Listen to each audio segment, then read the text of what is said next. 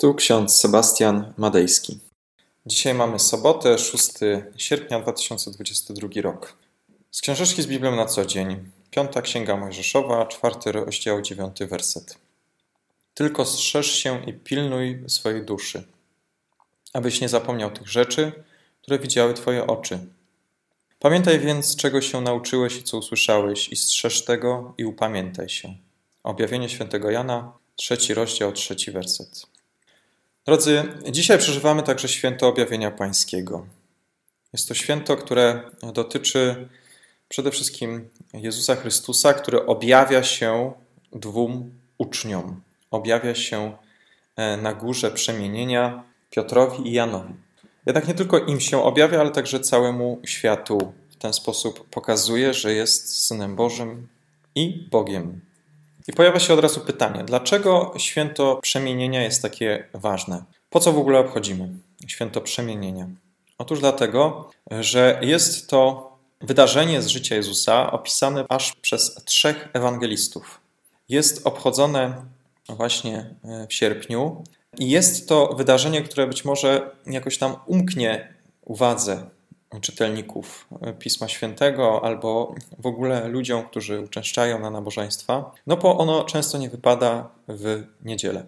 Natomiast święto przemienienia pańskiego jest to święto, które przede wszystkim ma pokazać nam, że Bóg przemienia się dla nas. Z obrazu Boga Starotestamentowego Bóg przemienia się w Boga, który jest Bogiem dającym życie, dającym usprawiedliwienie, dającym miłość. Tak jak wcześniej Bóg Starego Testamentu daje prawo, daje siłę, daje też swoją opatrzność, błogosławieństwo tym, którzy słuchują się w Jego słowo, tak oto w Nowym Testamencie znajdujemy obraz Chrystusa, który daje nam swoją miłość, swoje wsparcie, daje nam swoją sprawiedliwość. I to e, nie jest jakiś nowy Bóg, jest to ten sam Bóg, natomiast przemienia się dla nas. Jest to obraz przede wszystkim Chrystusa, który na górze przemienienia objawia się w obłoku. Jezusowi towarzyszy Mojżesz i Eliasz. Są to postaci symbolizujące pismo Starego Testamentu. Mojżesz symbolizuje Torę, natomiast Eliasz reprezentuje proroków. Są to filary przymierza Starego Testamentu. Stary Testament, Stare Przymierze e, nie udało się go spełnić Izraelitom. Wielokrotnie upadali, wielokrotnie rozczarowywali proroków, jednokrotnie odwracali się od Boga. Jednak to Bóg wychodzi nam naprzeciw i przemienia się dla nas. Zmienia się dla człowieka. I ten sposób uczniowie, widząc to, co się dzieje na górze przemienia, Piotr i Jan, są w szoku.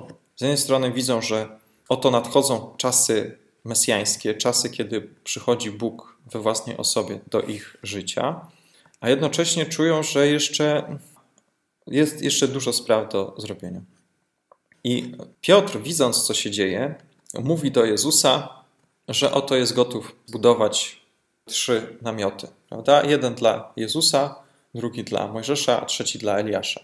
Dlaczego tak? Okazuje się, że w czasach, kiedy powstaje Nowy Testament, w czasach Jezusa, dosłownie istniało takie przeświadczenie, że e, Bóg na nowo się objawi na pustyni. Na nowo objawi się swojemu ludowi i będzie lud przebywać w namiotach. Zresztą święto Sukkot, które jest obchodzone w namiotach, jest tym świętem mesjańskim, ponieważ symbolizuje nietrwałość. Nasze życie tu na ziemi jest nietrwałe.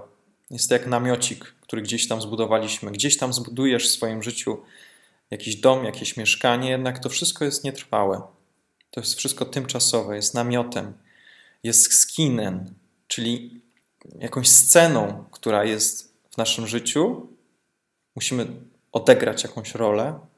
Natomiast e, to, co będzie później, to już jest prawdziwość, to jest realność, to jest to, co ma nadejść.